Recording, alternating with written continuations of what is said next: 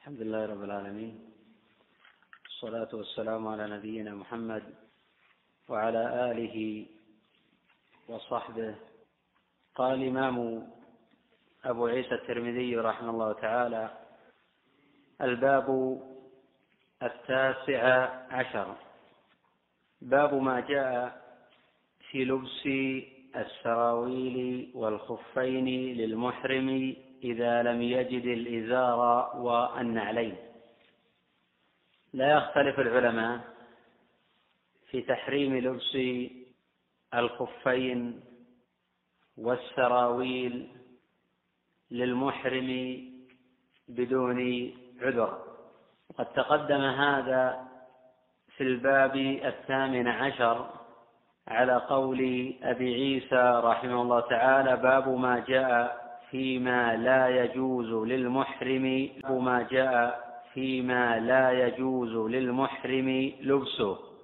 وقد قال النبي صلى الله عليه وسلم لا تلبس القميص القميص ولا السراويلات ولا البرانس ولا العمائم ولا الخفاف. إلا يكون أحد ليست له نعلان فليلبس الخفين ما أسفل من الكعبين. ولا تلبس شيئا من الثياب مسه الزعفران ولا الورص. وهذا الخبر متفق على صحته. ومن لم يجد السراويل عفوا ومن لم يجد الإزار فإنه يلبس السراويل. ومن لم يجد النعلين فإنه يلبس الخفين. قال أبو عيسى حدثنا أحمد بن عبدة الضبي البصري. أخبرنا يزيد بن زريع أخبرنا أيوب وأخبرنا عمرو بن دينار أخبرنا أيوب وأخبرنا عمرو بن دينار عن جابر بن زيد عن ابن عباس. قال سمعت رسول الله صلى الله عليه وسلم يقول المحرم إذا لم يجد الإزار فليلبس السراويل أي من غير قطع أو فتقا وهذا مذهب الجمهور. وجاء في موطأ مالك قال يحيى سئل مالك عما ذكر عن النبي صلى الله عليه وسلم أنه قال ومن لم يجد الإزارا فليلبس السراويل. فقال لم أسمع بهذا ولا أرى أن يلبس المحرم سراويل. لأن النبي صلى الله عليه وسلم نهى عن ذلك. وقد قال الشافعي وأحمد من لم يجد إزارا فليلبس السراويل دون يلبس السراويل دون قطع أو فتق ودون فدية. لأن هذا الذي دل عليه ظاهر الخبر. وهو الذي قاله النبي صلى الله عليه وسلم في حجة الوداع. وقال مالك وأبو حنيفة بوجوب الفدية لأنه فعل وأتى بمحظور من محظورات الإحرام سواء كان لعذر أو لغير عذر بمنزلة سعد بن عذرة حين حلق رأسه. فقد أوجب النبي صلى الله عليه وسلم عليه الفدية. قال تعالى ففدية من صيام أو صدقة أو نسك. إما يصوم ثلاثة أيام أو يذبح شاة أو أن يطعم ستة مساكين لكل مسكين نصف صاع من البر أو غيره. والاستدلال بحديث كعب بن عجرة على هذه المسألة فيه نظر لأنه يختلف الإتلاف عن غيره. وهذا الذي صار إليه جماعة من الأئمة. فإن كعب بن عجرة حلق رأسه والذي يلبس السراويل حين لا يجد الإزار لم يتلف شيئا. الأمر الآخر أن الذي أوجب الفدية على كعب بن عجرة هو الذي رخص في لبس السراويل عند فقد بيان عن وقت الحاجة لا يجوز. الوجه الثالث أنه ليس كل من فعل محظورا سواء كان متعمدا أو ناسيا أو جاهلا أو متأولا تجب عليه الفدية. فإن الفدية تجب في مواضع ولا تضطرد في كل شيء. وقد قال أبو حنيفة رحمه الله إذا فتق السراويل فلا فدية عليه. إذا فتق السراويل فلا فدية عليه. ونص على أنه إذا لم يفتق السراويل فإن الفدية تجب عليه. وهذا في نظر من وجوه. الوجه الأول أن النبي صلى الله عليه وسلم قال المحرم إذا لم يسلم قال المحرم إذا لم يجد الإزار فليلبس السراويل. ولم يذكر لا قطعا ولا فتقا. الأمر الثاني أن إيجاب الفدية أمر زائد على المنصوص عليه. الأمر الثالث أن النبي صلى الله عليه وسلم قال هذا في مجمع.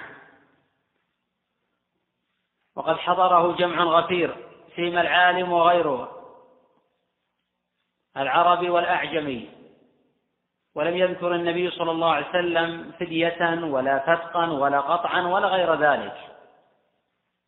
وإطلاق ما أطلقه الله ورسوله صلى الله عليه وسلم هذا واجب. الأمر الرابع أن الأموال معصومة بعصمة الدماء. أن الأموال معصومة بعصمة الدماء. فلا يجوز القول بوجوب فلا يجوز القول بوجوب كذا وكذا من إخراج الأموال بدون نص. ولو كانت الفدية واجبة على من لم يجد الإزار فلبس السراويل لبين ذلك النبي صلى الله عليه وسلم بيانا عاما أمر آخر في بيان ضعف مذهب أبي حنيفة في قوله إذا فتق السراويل فلا فدية عليه يقال إن فتقه يجعله بمنزلة الإزار. وهذا يجوز لبسه مطلقا بدون قيد ولا شرط. ولهذا قال شيخ الإسلام رحمه الله تعالى في شرح العمدة إن فتق السراويل يجعله بمنزلة الإزار حتى يجوز لبسه مع وجود الإزار لبس الإزار الحادث المصنوع على هيئة سراويل آه، مفتوحة. قوله وإذا لم يجد النعلين فليلبس الخفين ولم يذكر قطعا وقد جاء ذكر القطع في حديث ابن عمر. وقد كان حديث ابن عمر متقدما على حديث ابن عباس. ويؤخذ بالمتأخر من كلام رسول الله صلى الله عليه وسلم.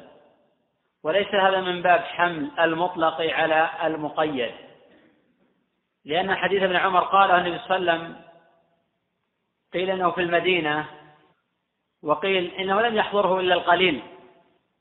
بخلاف حديث ابن عباس قاله النبي صلى الله عليه وسلم بعرفات وقيل إنه قاله يوم النحر.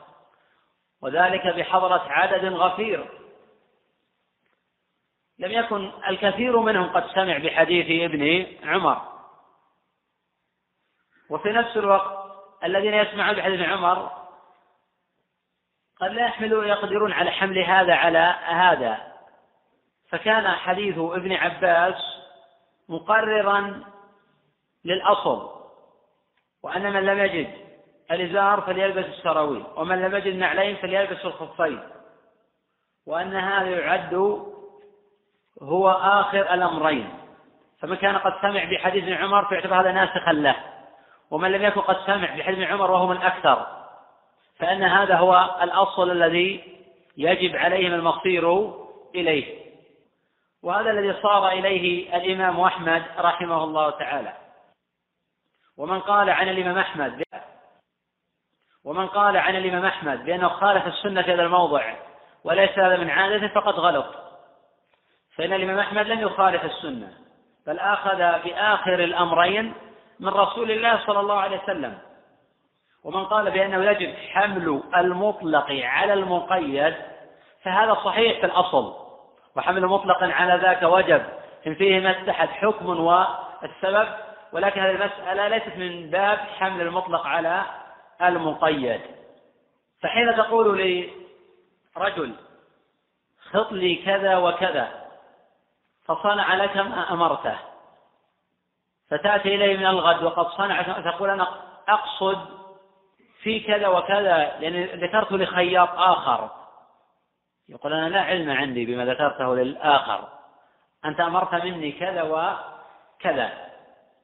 فحينئذ إلزام هذا الخياط الأول بفهم إلزام هذا الخياط الأول بفهم ما قاله لخياط آخر حقيقة من التكليف الذي لا يطاق أو لا يعرف لدى الغالبية ولم يتعارف عليه أحد.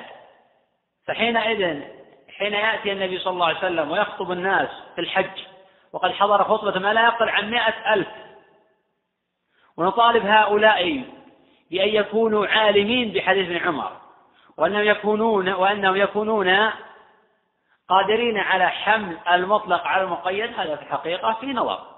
ولو أراد أن يبث هذا المعنى لقال ومن لم يجد آه الإزالة فليلبس السراويل ويفدي أو يفتق. ومن لم يجد النعل فليلبس الخفين وليقطع فلما لم يقل علم أن هذا أمر مستقل عن ذاك.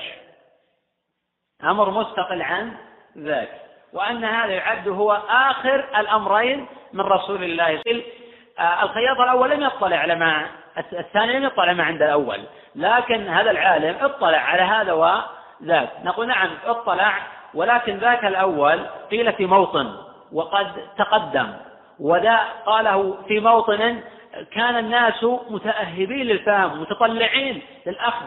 عن رسول الله صلى الله عليه وسلم. فحين لم يذكر النبي صلى الله عليه وسلم الفتح ولا القطع ولا الفدية كان هذا دليلا على أن الترك هو الأصل وأنه لا قطع ولا فدية في هذا الأمر وأنه يؤخذ بآخر الأمرين من رسول الله صلى الله عليه وسلم. وهذا الخبر روى مسلم في صحيح من طريق إسماعيل عن أيوب عن عمرو بن دينار بمثله. قال أبو عيسى عمرو بن دينار بمثله. قال أبو عيسى حدثنا قتيبة أخبرنا حماد بن زيد عن عمرو نحوه. وهذا رواه مسلم أيضا من طريق حماد بن زيد عن عمرو. ورواه البخاري ومسلم من طريق شعبة عن عمرو وفيه أنه سمع النبي صلى الله عليه وسلم يخطب بعرفات. وروياه من طريق سفيان عن عمرو به دون قوله يخطب بعرفات. وقد رواه مسلم من رواية حماد بن زيد وسفيان بن عيينة وابن جريج وأيوب. كل هؤلاء عن عمرو. بن دينار دون ذكر يخطب بعرفات. قال الإمام مسلم رحمه الله تعالى لم يذكر أحد منهم هذه اللفظة غير شعبة وحده. وقد جاء في غير شعبة وحده. وقد جاء في مسند أحمد من رواية يحيى عن ابن جريج قال أخبرني عمرو بن دينار أن أبا الشعث أخبره. عن ابن عباس أنه سمع النبي صلى الله عليه وسلم يخطب فذكره قلت لم يقل يقطعهما قال لا. فقال أبو عيسى هذا حديث حسن صحيح والعمل على هذا عند بعض أهل العلم. إذا لم يجد المحرم الإزار لبس السراويل أي بدون فتق ولا قطع ولا فدية وهذا مذهب الجمهور. مالك لم أسمع بهذا ولذلك صار هو وأبو حنيفة إلى أن من لم يجد إزارا ولبس السراويل فعليها الفدية. وقال أبو حنيفة إذا فتق سقطت عنه الفدية. والصواب في هذا أنه لا يحتاج إلى فتق ولا إلى قطع ولا تجب عليه الفدية لأن النبي صلى الله عليه وسلم رخص له. قوله وإذا لم يجد النعلين لبس الخفين أي بدون قطع في أصح قولي العلماء. قال أبو عيسى وهو قول أحمد أي في أصح الروايتين عنه. وهذا المشهور من مذهبه. وعنه رواية بالقطع. وهذا الذي صار إليه من مذهبه. وعنه رواية بالقطع. وهذا الذي صار إليه أكثر الأئمة. هذه رواية بقطع الخفين. ليكون أسفل من الكعبين. قال أبو عيسى وقال بعضهم على حديث ابن عمر عن النبي صلى الله عليه وسلم إذا لم يجد النعلين فليلبس الخفين وليقطعهما وليقطعهما أسفل من الكعبين.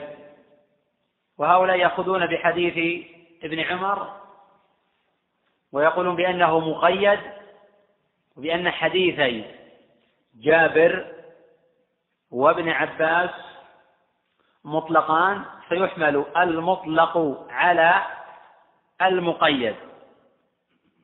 وقد حديث ابن عباس. وقال أبو عيسى رحمه تعالى في قوله وقال بعضهم على حديث ابن عمر قال وهو قول سفيان الثوري والشافعي. وهذا الذي ذهب إليه الجمهور. وبه قال أبو حنيفة ومالك. تقدم الحديث عن هذه المسألة في الباب الثامن عشر وتقدم الحديث عن ذلك قبل قليل. وأن هذه المسألة ليست من باب حمل المطلق على المقيد وإنما يؤخذ بالآخر من فعل النبي صلى الله عليه وسلم. لأن الصور قد اختلفت وقد حضر كلام في الحج ما لا يقل عن مائة ألف. فكيف نلزم هؤلاء بيأخذوا بالمطلق بالمقيد؟ وهم لا يعرفون مقيد ولم يسمعوا للمقيد ولم يحصل لهم خبر عن المقيد. ولذلك كان من الحاضرين ابن عمر وجماعة ولم يقل أحد منهم من الحاضرين ابن عمر وجماعة ولم يقل أحد منهم هل يجب القطع. فكأن هذا فهم منهم بأن الأصل هو الأخذ بالآخر من كلام النبي صلى الله عليه وسلم. قال أبو عيسى رحمه تعالى الباب العشرون. باب ما جاء في الذي يحرم وعليه قميص أو جبة. وأن الواجب عليه المبادرة حين العلم إلى نزع المخيط. المصنوع على قدر العضو دون تمزيقه أو شقه. ولا يلزمه في ذلك كفارة سواء كان سواء كان ناسيا أو جاهلا. وهذا مذهب الشافعي والمشهور في مذهب أحمد. وذلك للأدلة الصريحة في رفع الإثم والحرج عن الناس والجاهل. وذهب أبو حنيفة ومالك إلى أنه يستوفي ذلك الجاهل والناس والمكره. وحكم في هذا حكم العامد. سواء كان في المحظور إتلاف أم لا. نأخذ حديث الباب ومنه نتعرف على منه نتعرف على الراجح من هذه المذاهب. قال أبو عيسى حدثنا قتيبة بن سعيد. تقدم الحديث عنه. قال أخبرنا عبد الله بن إدريس. وهو من سلالة يعرب ابن قحطان. الأودي الزعافري. أبو محمد الكوفي. خرج له الستة. وقال الإمام أحمد رحمه الله تعالى كان نسيج وحده. وقد وثقه أبو حاتم والنسائي. ومات سنة اثنتين وتسعين ومائة عن عبد الملك ابن أبي سليمان. وسميسرة مولى النخع. وقيل مولى بني تزارة وقيل من أنفسهم. وقد كان شعبة يعجب من حفظه. وقال سفيان رحمه الله تعالى حدثني الميزان وقال بيده هكذا كأنه يزن. حدثني الميزان عبد الملك قال أبو داود قلت قلت للإمام أحمد رحمه الله عبد الملك بن أبي سليمان؟ قال ثقة قلت يخطئ؟ قال نعم وكان من أحفظ أهل الكوفة إلا أنه رفع حديث عن عطاء وقد استشهد به البخاري في الصحيح وروى له في رفع اليدين وخرج له مسلم والأربعة. عن عطاء قال عبد الملك عن عطاء وهو ابن أبي رباح. عن يعلى ابن قال رأى رسول الله صلى الله عليه وسلم أعرابيا الأعرابي هو من سكن البادية. تختص به بعض الأحكام ما دام مقيما في البادية. وإذا سكن الحاضرة انتفى عنه وصف الأعرابية المتعلق بتخصيص بعض الأحكام دون بعض. وعند الطحاوي من رواية قتادة عن عطاء أن رجلا يقال له يعلى ابن أمية أحرم وعليه جبة. فأمره النبي صلى الله عليه وسلم أن ينزعها. قال قتادة قلت لعطاء إنما كنا نرى أن نشقها. فقال عطاء إن الله لا يحب الفساد. ظاهر هذه الرواية أو صريح هذه الرواية أن الذي أحرم عليه جبة هو يعلى ابن أمية. وأفادت الرواية الأخرى بأنه رجل ورواية بعض الروايات بأنه أعرابي بعض الروايات مطلقة تفيد بأنه ليس هو بيعلى. وقد قيل بأن هذا يعلى آخر يختلف عن راوي الحديث. وقيل غير ذلك. وعلى كل رواية قتادة عن عطاء أن رجل قال له يعلم من يحرم على جبة. هذه الرواية في صحتها نظر. قوله قد أحرم وعليه جبة فأمره أن ينزعها. وفي رواية سعيد بن منصور من طريق عبد الملك ومنصور عن عطاء وفي وعلى جبته ردغ من خلوق. فقال اخلع هذه الجبة واغسل هذا الزعفران. سنة ثمان وآخر أمر رسول الله صلى الله عليه وسلم جواز الطيب عند الإحرام. ولا يضر ما علق في الثياب بعد الإحرام. وحينئذ لا يصح والاستدلال بحديث يعلى على منع استدامة الطيب بعد الإحرام لأمرين. الأول أنه أمره بغسل الزعفران. وقد نهى النبي صلى الله عليه وسلم عن الزعفران للرجل سواء كان محرما أو حلالا. لأن طيب الرجال ما ظهر ريحه وخفي لونه. الأمر الثاني أن هذا كان بجعرانة. وقد كانت سنة ثمان. قد حج النبي صلى الله عليه وسلم سنة عشر. واستدام الطيب. فيكون هذا ناسخا لحديث يعلى. وقد تقدم صلى الله عليه وسلم ولا يلبس ثوبا مسه ورس أو زعفران متفق عليه. فيحرم على المحرم أن يتطيب في بدنه وثيابه. ولا حرج عليه أن يتطيب أن يطيب بدنه قبل عقد النية. ولا حرج بعد ذلك من استدامة الطيب بعد الإحرام ولو سال على ملابسه. والحديث صريح في النهي عن لبس المخيط المصنوع على قدر العضو كالقميص والجبة وهي الثوب. وقيل الجبة ثوب واسع الكمين. مشقوق المقدم يلبس فوق الثياب. وقد أمره النبي صلى الله عليه وسلم أن ينزع جبته. ولم يأمره بفدية ولم يأمره بشقها لأن بعض العلماء قال لا ينزع الجبه من قبل رأسه لئلا يصير مغطيا لرأسه وحينئذ يضطر إلى قطعها وهذا ضعيف لأمور. الأمر الأول أن التغطية حينئذ لا تكون مقصودة وحينئذ لا حرج من ذلك. الأمر الثاني أن النبي صلى الله عليه وسلم لم يأمره بقطعها فعلم أنه خلعها ونزعها من قبل رأسه.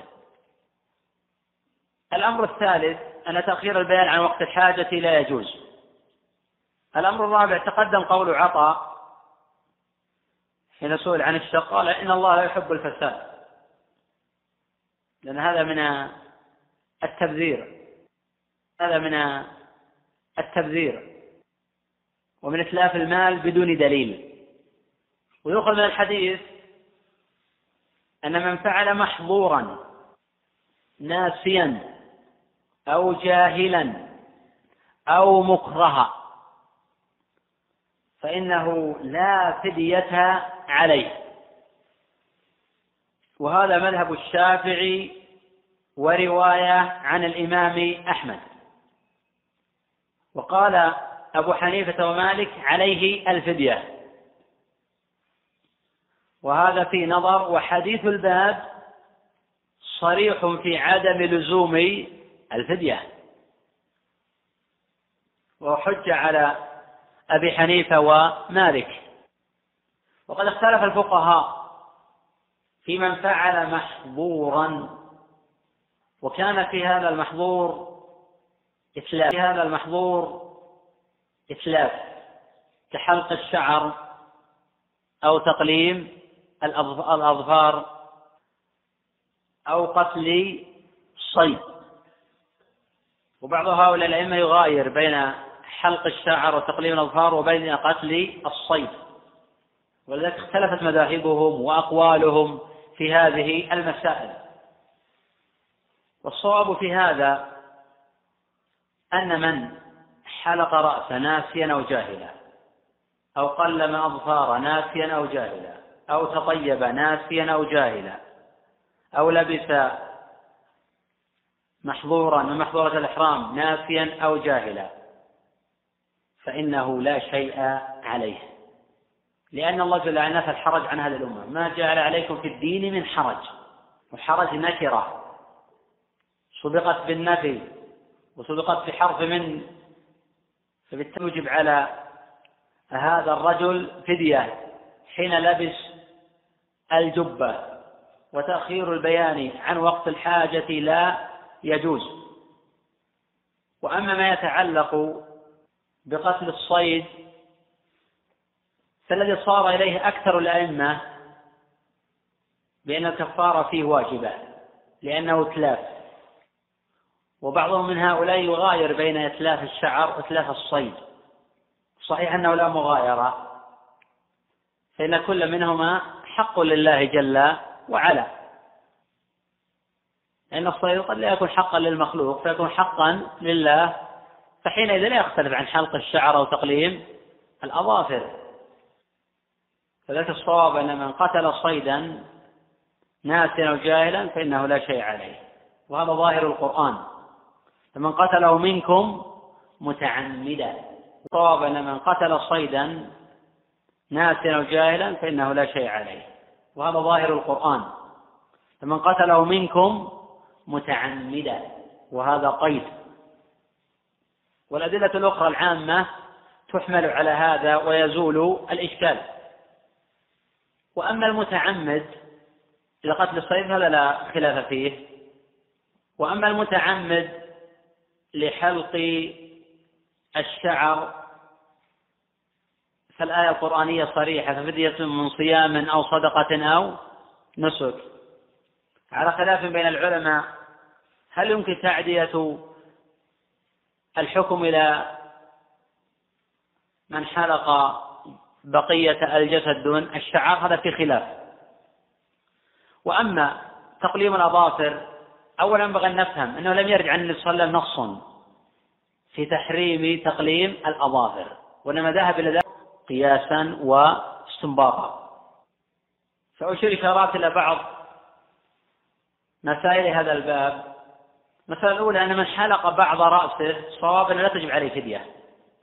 وسيأتي إن شاء الله الحديث عن هذه المسألة لأن النبي صلى الله عليه وسلم احتجم وهو محرم. وهذا يحتاج إلى حلق شيء من الرأس ولم يذكر عنه بأنه فدى الأمر الثاني أنه لم يثبت عن النبي صلى الله عليه وسلم إيجاب فدية على من فعل محظورا من محظورات الإحرام باستثناء كعب بن عجرة. فقد يقال أن هذا الحكم خاص بمن حلق رأسه بدليل أن النبي صلى الله عليه وسلم قال من لم يجد الإزار فليلبس السراويل ومن لم يجد النعلين فليلبس الخفين. فهذا محظور من محظورات الإحرام ولم يوجب النبي صلى الله عليه وسلم فدية. فإن قيل إن النبي صلى الله عليه وسلم رخص لهؤلاء فبالتالي سقطت الفدية. نقول إن النبي صلى الله عليه وسلم رخص لكعب بن عجرة أن يحلق رأسه ولا يحلق رأسه ولم تسقط الفدية. فعلم المغايرة وأن لا هذا له حكم وذاك له حكم. وهذا هو الذي حدى بطائفة من الفقهاء إلى التفريق بين المتلفات وبين غيرها. وهذا التفريق في الحقيقة أحسن من الإطلاق. هذا التفريق أحسن من الإطلاق في إيجاب الفدية على كل من فعل محظورا.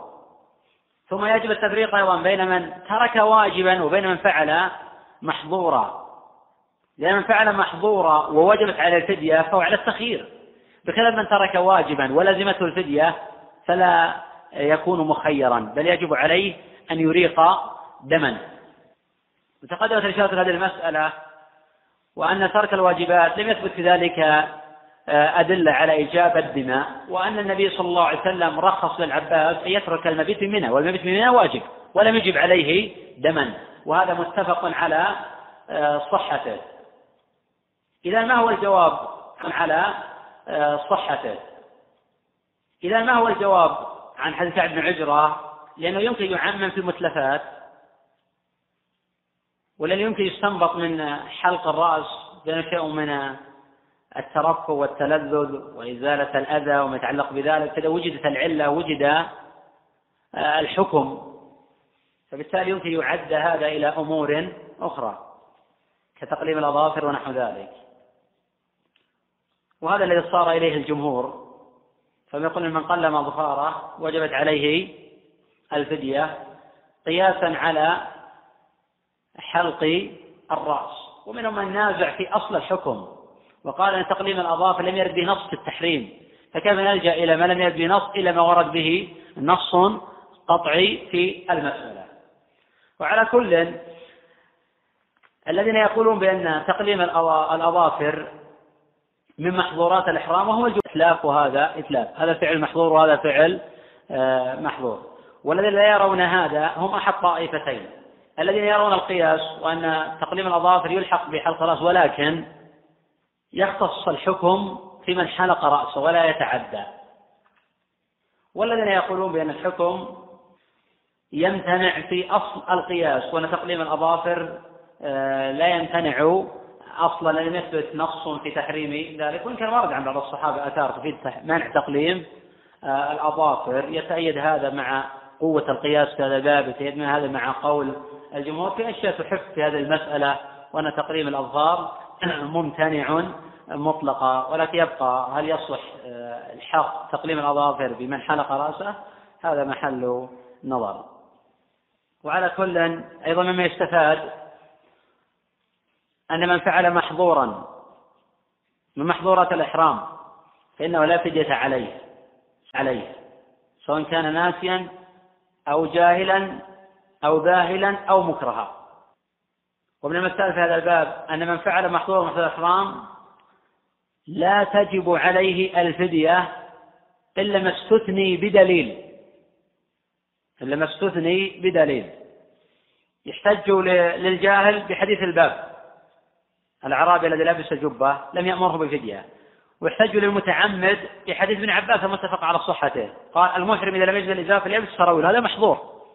ولم يجب عليه فدية فإن قال قال هذا لأن الإنسان رخص له نحتج عليه بترخيص النبي صلى الله عليه وسلم لكاعب ابن عذر. رخص له ولم يسقط عنه الفدية.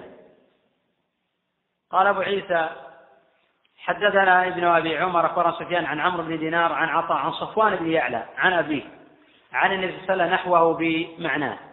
قال أبو عيسى وهذا صح يعني طريق عمرو بن دينار عن عطاء صح من طريق عبد الملك لأن عبد الملك رواه عن عطاء بن أبي رباح عن يعلى بينما روى سفيان عن عمرو بن دينار عن عطاء عن صفوان. قال أبو عيسى وهذا أصح وفي الحديث قصة وهذه القصة مذكورة في الصحيحين. قال أبو عيسى وهكذا روى قتادة رواية عند الطحاوي والحجاج بن أرطاء وغير واحد عن عطاء عن يعلى. قال أبو عيسى والصحيح ما روى عمرو بن دينار وابن جريج عن عطاء عن صفوان بن يعلى عن أبيه عن النبي صلى الله عليه وسلم. وهذا أصح لأن الذين يرونه عن عطاء عن صفوان عن أبيه أكثر وأوثق وأكثر ضبطا لحديث عطاء. وقد رواه البخاري ومسلم من حديث ابن جريج. قال سمعت عطاء يحدث عن صفوان عن أبيه. وقد قدم الإمام أحمد رحمه الله رواية ابن جريج رواية ابن جريج على رواية عبد الملك في عطاء. ولهذا روى البخاري ومسلم رواية ابن جريج وأعرض عن رواية عبد الملك. ورواه همام عن عطاء بنحو رواية ابن جريج. ورواه البخاري ومسلم ورواه رواه عفوا رواه البخاري ومسلم ورواه مسلم أيضا من رواية عمرو بن دينار عن عطاء عن صفوان. ورواه أبو داود من طريق الليث والحجاج عن عطاء عن صفوان عن أبيه. وهذا كله يفيد بأن الخبر هو ما رواه عمرو بن دينار وهمام وابن جريج وآخرون عن عطاء عن صفوان عن أبيه عن النبي صلى الله عليه وسلم. ويؤخذ من حديث الباب فوائد. الفائدة الأولى أن من فعل محظور الناس أو جاهلا فإنه لا فدية عليه. الفائدة الثانية أن التشريع وحي لأن النبي صلى الله عليه وسلم أوحي إليه في هذا. وقد قال تعالى إن هو إلا وحي يوحى. وهذا يعلم بالرجوع إلى أصل في آه، الصحيحين.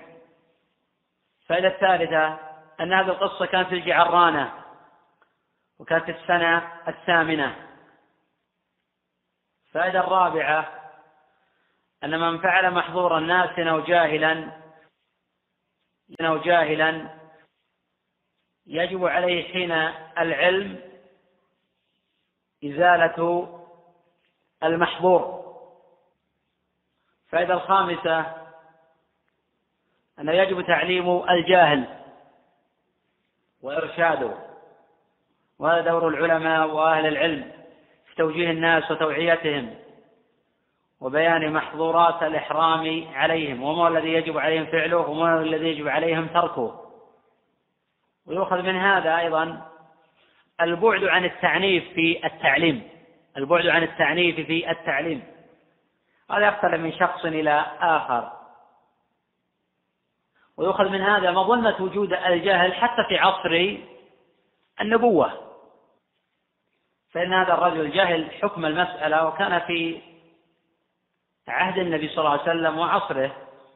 وكان بإمكانه يسأل قبل أن حين بينما النبي صلى الله عليه وسلم جعران مع نفر من أصحابه جاءه رجل فقال يا رسول الله كيف ترى في رجل أحرم بعمرة ومتضمخ بالطيب؟ فسكت النبي صلى الله عليه وسلم ساعة فجاءه الوحي. فقال النبي صلى الله عليه وسلم أين الذي سأل عن العمرة؟ ثم قال اغسل الطيب الذي بك وأنزع عنك الجب واصنع في عمرتك. كما تصنع في حجك وهذا الخبر في الصحيحين بأطول من هذا. ويؤخذ من هذا أن الأعمال داخلة في مسمى الإيمان.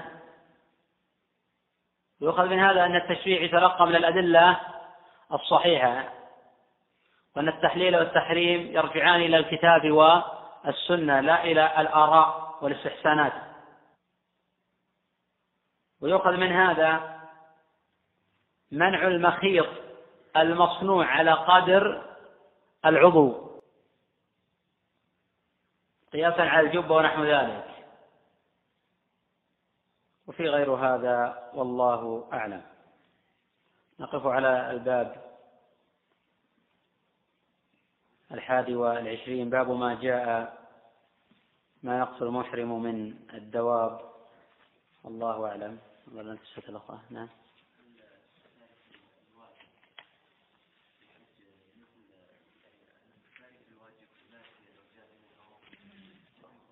محظور لا يختلف كخلاف. الأخ يقول الذي يترك واجبا كهو الذي يترك يفعل محظورا. كناحية فقهية في خلاف قوي بين العلماء. منهم من قال من فعل محظورا ناسيا أو جاهلا أو متعمدا. فلا فدية عليه إلا ما ورد به النص. والحكم يختلف في الإثم. من فعله ناسا والحكم يختلف في الإثم. من فعله ناس جاهلا لا إثم عليه ولا فدية. ومن فعله متعمدا عليه الإثم ولا فدية. بينما طائفة من هؤلاء يقول بأن من ترك واجبا لزمته الفدية سواء كان ناسا أو جاهلا. حين ننظر في مذهب الجمهور الجمهور يوجبون الفدية على من ترك واجبا سواء كان ناسيا أو جاهلا أو متعمدا. ويقولون إن, إن ترك الواجب متعمدا على الفدية مع الإثم وإن ترك الواجب ناسيا أو جاهلا سقط عنه الإثم ووجبت عليه الفدية. أما الإمام ابن حزم رحمه الله تعالى وتبع على ذلك أما الإمام ابن حزم رحمه الله تعالى وتبع على ذلك جمع العلماء فلا يوجبون فدية على من فعل محظورا أو ترك واجبا إلا ما جاء النص به. إلا ما جاء النص به وتقدم تقرير هذا. أما الإمام أبو حنيفة ومالك فيوجبون الفدية على من ترك محظورا وإن كان جاهلا. والدم على من ترك واجبا. وأما الإمام أحمد فيقول من فعل محظورا ليس فيه إتلاف. ناسيا أو جاهلا فلا شيء عليه. ومن فعل محظورا فيه إتلاف فتجب عليه فدية سواء كان ناسيا أو جاهلا أو متعمدا. وأما إن ترك واجبا فعليه الدم مطلقا. على خلاف بين منهم من قال من ترك ليلة عليه طعام دون الدم. ومنهم من قال إذا ترك ليلة عليه دم. ومنهم من قال ندم لا يجب إلا إذا ترك ثلاثة ليال. ومنهم من قال كالإمام أحمد نفسه رحمه الله إن ترك المبيت من الساء ولا شيء عليه. قيل إن هذه الرواية على رواية من يقول بأن المبيت من السنة وليس بواجب. ومعنى قول أحمد الساء بمعنى ترك المستحب. لأن المبيت من في خلاف. قيل واجب وهو المشهور في مذهب أحمد وقال طائفة من العلماء وقيل السنة وهذا أحد القولين عن أحمد. ونصر جماعة من الأئمة. والصواب أن المبيت هنا واجب. فمن تركه نافعا أو جاهلا أو لشدة الزحام فلا شيء عليه. ومن تركه متعمدا فإنه آثم. ولكن في الحقيقة لا دم عليه ولا فدية فيستغفر الله ويتوب إليه. وأما ما رواه مالك في الموطأ من رواية آه، أيوب عن سعيد بن جبير. من رواية آه، أيوب عن سعيد بن جبير. عن ابن عباس رضي الله عنهما قال من ترك شيئا نسك أو نسيه فليرق دمه. فهذا أخذ الجمهور ببعضه وتركوا البعض الآخر لأن ابن عباس قال من ترك شيئا من نسكه أو نسيه. من ترك أي متعمدا. هم يقولون بأن النسيان جاء في أدلة تفيد العذر. قال الله جل وعلا ربنا لا تؤاخذنا نسينا واخطانا لكن المتعمد يجب عليها الدم لأن لم يرد دليل في المتعمد. نورد لهم دليلا في المتعمد. العباس ترك المبيت بمنى متعمدا برخصة من النبي صلى الله عليه وسلم ولم يجب عليه دما. أجاب عن هذا بعض العلماء قال إن هذا بترخيص من النبي صلى الله عليه وسلم. نقول الرخصة تجعله لا يقع في الإثم لكن لا تسقط عنه الكفارة. بدليل حديث كعب بن عزرة. سقط عن الإثم لكن الكفارة. بدليل حديث كعب بن عزرة. سقط عن الإثم لكن الكفارة لم تسقط عنه. وفي نفس الوقت حج مع النبي صلى الله عليه وسلم ما لا يقل عن مائة ألف. ومتوقع من بعضهم أن يفعل محظورا أو يترك واجبا ولم يكن النبي صلى الله عليه وسلم يوجب عليهم دما. وذكر رجل منهم يقول فعلت كذا وفعلت كذا لأن الحج مبني على التخفيف. يقول افعل ولا حرج. وأما من فعل أمرا ليس في حرج في فعله فإنه نقول استغفر الله ويتوب إليه ولا شيء عليه سواء كان فعل محظورا أو ترك آه، واجبا. ومن ذلك أيضا الترخيص للرعاة آه، يجمع الرمي وغير ذلك من الأدلة المفيدة لعدم وجود آه، الدم في الحج إلى ما جاء النص به. جاء النص في من قتل الصيد متعمدا. جزاء مثل ما قتل من؟ النعم. جاء النص في الهدي على القارن والمتمتع. المتمتع. جاء النص في من حلق رأسه مخير بين الإطعام أو ذبح النسك أو الصيام. جاء قول أكابر الصحابة في من فاته الحج. عليه دم. جاء قول أكابر الصحابة في من جامع قبل التحلل الأول وأن عليه بدنه. هذه أمور جاءت بها النصوص. فنسلم بذلك وتكون الفتوى على ما جاء به النص. ما لم يرد به نص هو محل اجتهاد. لأن بعض العلماء يرى أن الناس لا يرتدعون إلى بإجابة الدماء عليهم. وهذا فيه إشكال لأن الناس يجب أن نعظم في قلوبهم الأدلة والنصوص الشرعية. ومن يعظم شعائر الله فإن من تقوى. والدماء هذه أمور تحتاج إلى أدلة مستقلة. لأن لا نربط تعظيم الفعل بإيجاد عقوبة لم ترد. كشخص يقول من فاتته الصلاة وجب عليه كذا وكذا. نقول هذا لا يجوز. وإن كانت المسألة مغايرة لكن التعليل غير مغاير تعليل غلط. إذا كان الإنسان يقول وجود آثار وجود أدلة وجود كتاب عن الصحابة يقول هذا صحيح. مسألة خلافية واجتهاد من صار إلى قول فلا تثريب عليه. وقد أحسن من انتهى إلى ما سمع. ولكن ينبغي أيضا عدم التوسع في الدماء. لأن لاحظ على كثير من المفتين في الحج يتوسعون. من استفتى قبل بعض الأحيان قبل أن يكمل المستفتي فتواه يقول دم دم دم. ثم أيضا إن الذي يفعل محظورا ليس بصحيح عليه دم القرآن صريح في فمن حلق رأسا مخير. ففدية من صيام أو صدقة المسلم الدم في من ترك واجبا. ثم أن الدم في من ترك واجبا. ثم أن الذي يترك ليلة من ليالي منها. لا ينبغي التسرع في أن عليه دما. حتى الذي يقول بالدماء لا يفتون بهذا من كل وجه.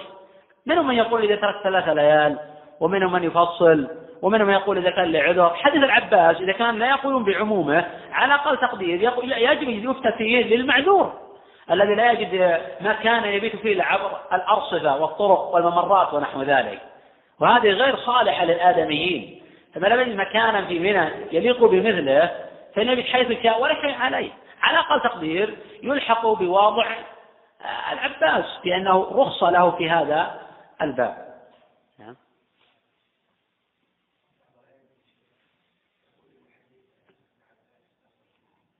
نسيه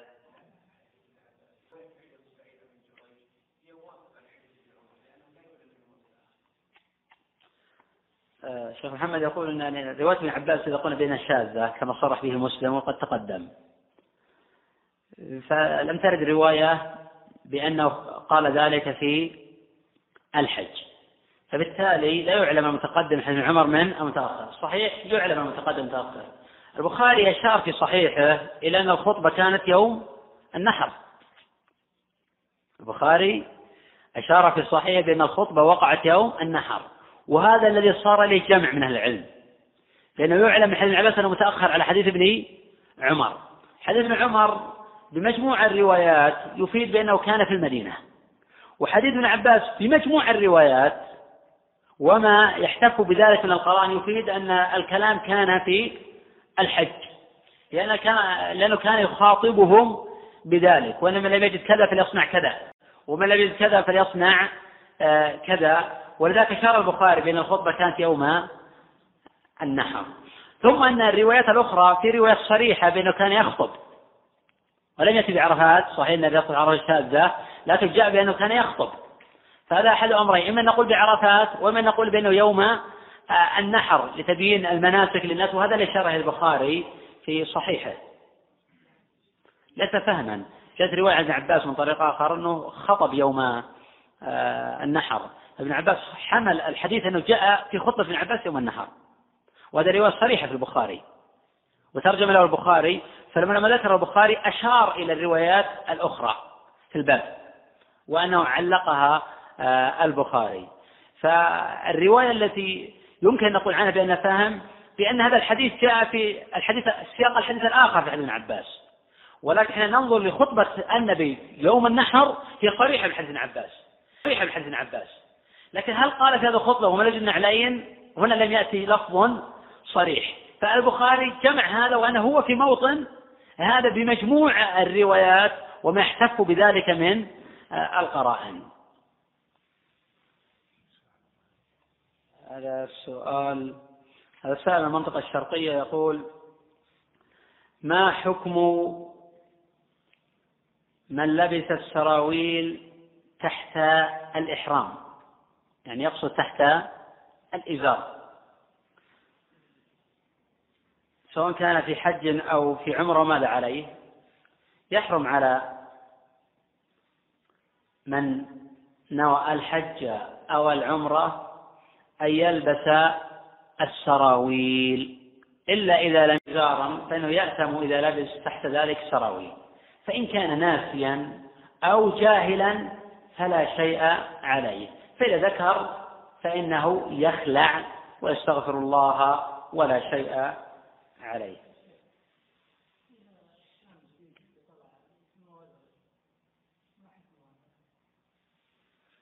الأخ يقول يسأل يقول الإزار الجديد الذي يشبه الوزرة أشرت إليه فيما تقدم أنه لا, لا شيء فيه. وتقدم ابن تيمية حكى الإجماع بأن السراويل إذا فتقت أشبهت الإزار.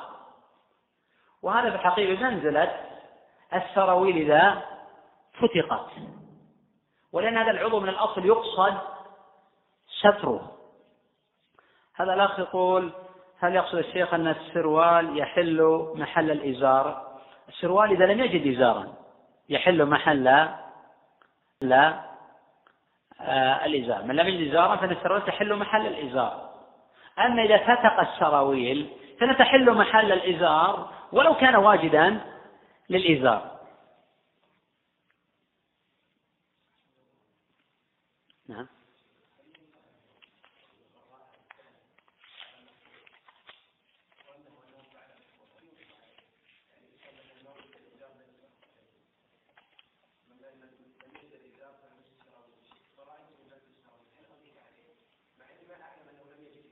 هو الأصل نعم الإنكار.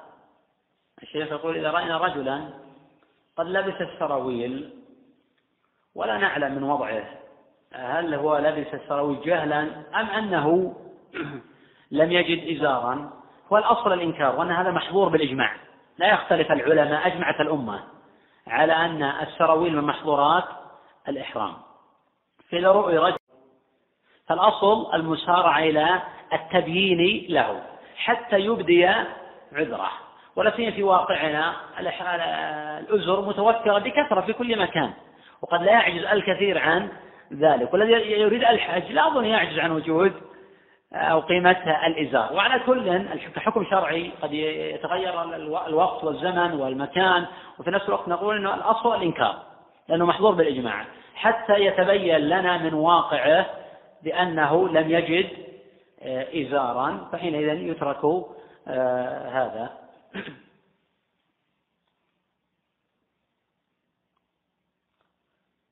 طب الأسئلة يعني غير واضحة لكن يفهم من سؤال هذا الأخ آه، يقول هل يعتبر مخيطا يعني الحزام أو عوضا عن الحزام؟ يوجد المغاط يقول يعني السير ونحو ذلك. ثم يقول يوضع مثلا في الجيب للنقود على شكل المخابي هل هذا يكون محظورا؟ الصواب. لا هذا ولا ذاك. فيهما آه، محذور. وأن هذا من الأمور آه، المباحة. الأخ يقول لقد حججت أول ما بلغت. عفى الله عني. يقول وقع مني محظور. فأنا إلى الآن وأنا أستغفر؟ ولكن لم أكفر عن المحظور. والمحظور يقول هو فعل العادة السرية. فماذا علي؟ أولا الأخ لم يوضح هل فعل هذه العادة وقت الإحرام قبل التحلل أم بعد التحلل. وعلى كل في الحقيقة سواء فعل هذه العادة في وقت الإحرام قبل أم بعد التحلل ليس عليه أكثر من الاستغفار والتوبة. ليس عليه شيء أكثر من هذا. فليستغفر الله ويستغفر الله ويتوب إليه ويتوب الله على من تاب لأنه لم يرد نص عن النبي صلى الله عليه وسلم في وجوب فدية على من فعل آه هذا. لكن الأحاديث صريحة في الإحرام أنه لا ينكح المحرم ولا ينكح. إذا هذه مقدمات والعادة من المقدمات التي ينهى عنها وقت آه الإحرام. ولكن إذا فعل شيئا من ذلك فليستغفر الله ويتوب إليه. كما لو أنه فعل مقدمات النكاح. فنستغفر الله ويتوب إليه. أما لو جامع ووطئ قبل التحلل الأول فهذا يفسد حجه ويأتي إن شاء الله تفصيله في هذا وما لا يجب عليه أيضا من آه، الفدية. هذا الأخ يقول ما حكم تغطية الوجه للمحرم؟ سواء يقول كان ذكرا أو أنثى. الأنثى لا تمنع من شيء من هذا. الأنثى لا تمنع آه، من شيء من آه، في شيء من هذا. فإن المرأة تلبس ما شاءت من الثياب ولها أن تغطي وجهها. أما الرجل فيمتنع عليه تغطيته تقدم الحديث عن هذه المسألة. أما تغطية الوجه فلا حرج للرجل لأن قوله صلى الله عليه وسلم ولا تخمروا رأسه هذا هو المحفوظ. والرواية الواردة في مسلم ولا وجه رواية شاذة ولذلك أعرض عنها الإمام البخاري رحمه الله تعالى في صحيحه. نعم. التبان يلبس للحاجة لأن عائشة رضي الله عنها كما في البخاري معلقة رخصت للذين يرحلون آه، ويضبط بالتشديد يرحلون هودجها بلبس التبان فهذا للحاجة فإذا وجدت حاجة فهذا حاول الإنسان يلبس التبان وبدون حاجة يمتنع الإنسان عن لبس التبان ويعرض آه، عنه. نعم.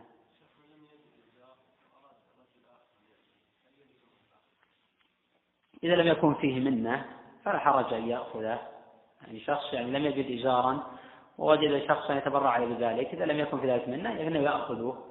ولا يجب عليه هذا. كان في منة فله أن يمتنع أصلا. إذا لم يكن في منة شاء وإن شاء عدل عنه. لأن بعض الناس قد لا يعني تطيق نفسه وطبيعته أن يأخذ من الناس شيئا.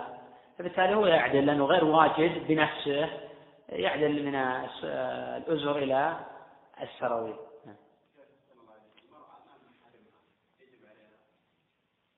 المرأة أمام محرمين تكشف وجهها.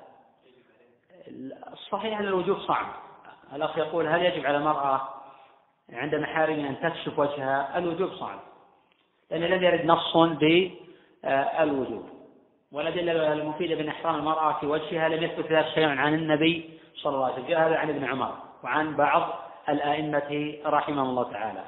فبالتالي نقول المرأة يستحب لها أن تكشف وجهها عند محارمها. وأما عند غير المحارم فيجب على المرأة أن تغطي آه، وجهها. أما حديث آه، الخثعمية فليس هناك رواية ثابتة لأنها كاشفة أنها كاشفة لوجهها. الروايات الواردة بأنها تتوضئ روايات شاذة. هي جاءت تسأل العباس ينظر إليها آه، الفضل ينظر إليها وهي تنظر ولم ترد رواية أنها كانت كاشفة. وبإمكان الإنسان يمكن ينظر إلى الشكل إلى الهيئة وما يتعلق بذلك. وعلى كل إذا كانت عند الأجانب يجب عليها تغطي وجهها إذا كانت عند غير الأجانب فلها آه، فالسنة أن تكشف عن وجه. إذا غطت لا نقول بأن فعلت محظور محظور الحرام وإن كان بعض الفقهاء كالحنابلة يقولون إذا غطت وجهها عند محارمها فعليها الفدية. يعني لأن فعلت محظورا من محظورات الإحرام. الحمد لله رب العالمين والصلاة والسلام على نبينا محمد وعلى آله وصحبه. قال الإمام أبو عيسى رحمه الله تعالى الباب الواحد والعشرون. باب ما يقتل المحرم من الدواب وفي نسخة باب ما جاء ما يقتل المحرم من الدواب ولعل الأول أصح. أي هذا باب في الذي يجوز للمحرم قتله من الدواب. فإن الله جل وعلا نهى المحرم عن قتل الصيد فقال ولا تقتلوا الصيد وأنتم حرم. وهذا لا يختلف فيه الفقهاء. وأحل الله لهم صيد البحر وحرم عليهم صيد البر. واستثنى النبي صلى الله عليه وسلم من ذلك بعض الدواب والحشرات وأذن في قتلها في الحل والحرم والإحرام. فكان من ذلك ما ذكره الإمام أبو عيسى رحمه الله تعالى في هذا الباب. قال حدثنا محمد بن عبد محمد بن عبد الملك بن أبي الشوارب. قال الإمام أحمد رحمه تعالى ما بلغني عنه إلا خيرا. وقال النسائي ثقة. وقد مات سنة أربع وأربعين ومائتين وخرج له مسلم والنسائي والترمذي وابن ماجه. قال أخبرنا يزيد بن زريع خرج له الستة. وقال الإمام أحمد رحمه الله تعالى إليه المنتهى في التثبت للبصرة. وقال مرة ما أتقنه ما أحفظه. يا لك من صحة حديث صدوق متقن. وقد إحدى ومائة ومات سنة اثنتين وثمانين ومائة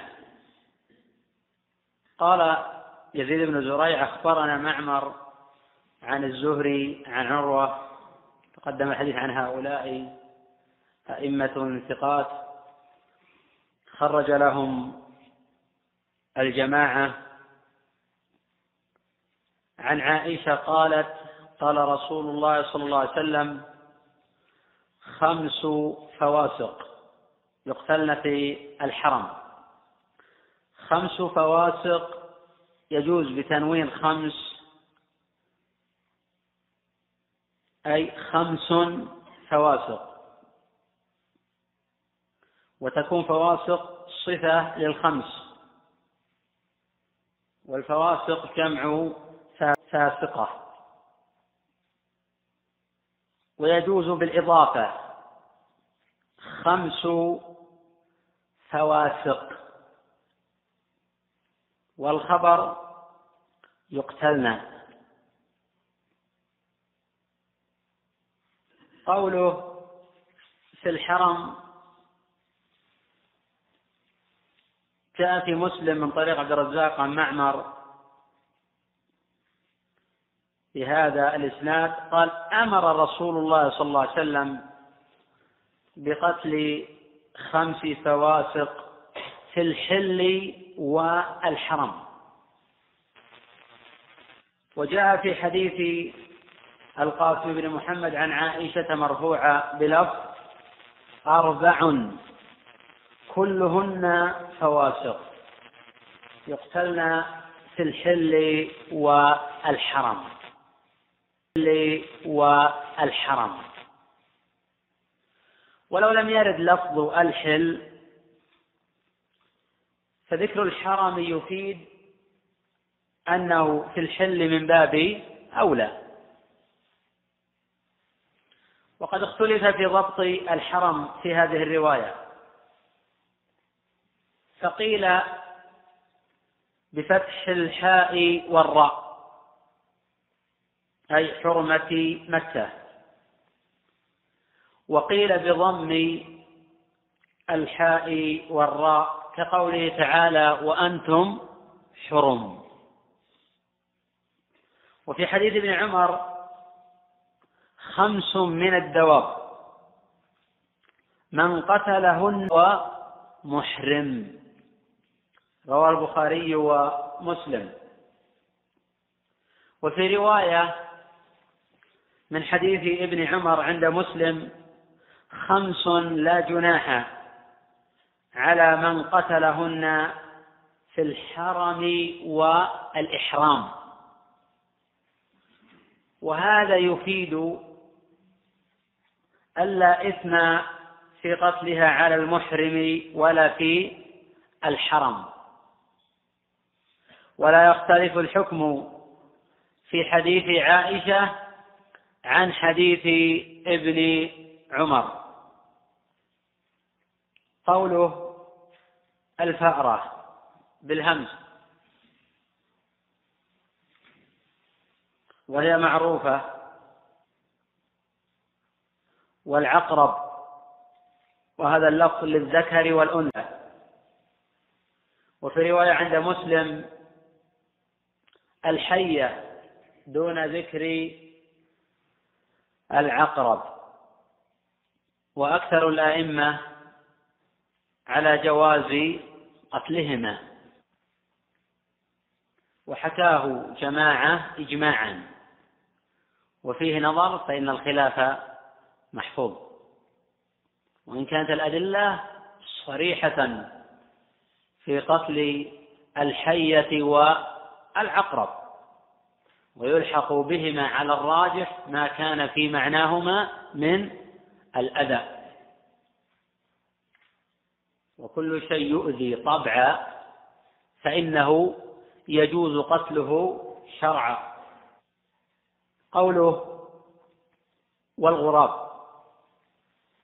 وقد جاء في صحيح مسلم من طريق من طريق شعبة عن قتادة عن سعيد بن المسيب عن عائشة عن النبي صلى الله عليه وسلم وفيه والغراب الأبقع. وقد أخذ بهذا القيد بعض العلماء منهم ابن خزيمة وغيره.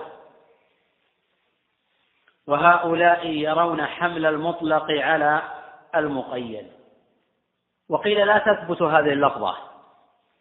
قاله ابن عبد البر وغيره ويكون القتل لكل غراب سواء كان أبقع أو لم يكن.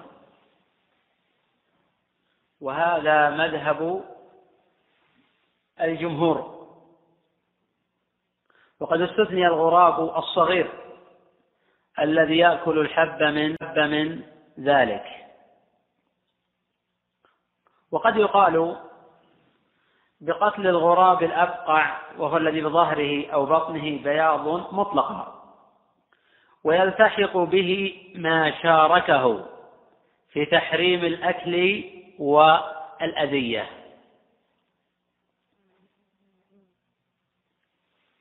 وهذا على تصحيح رواية الأبقع.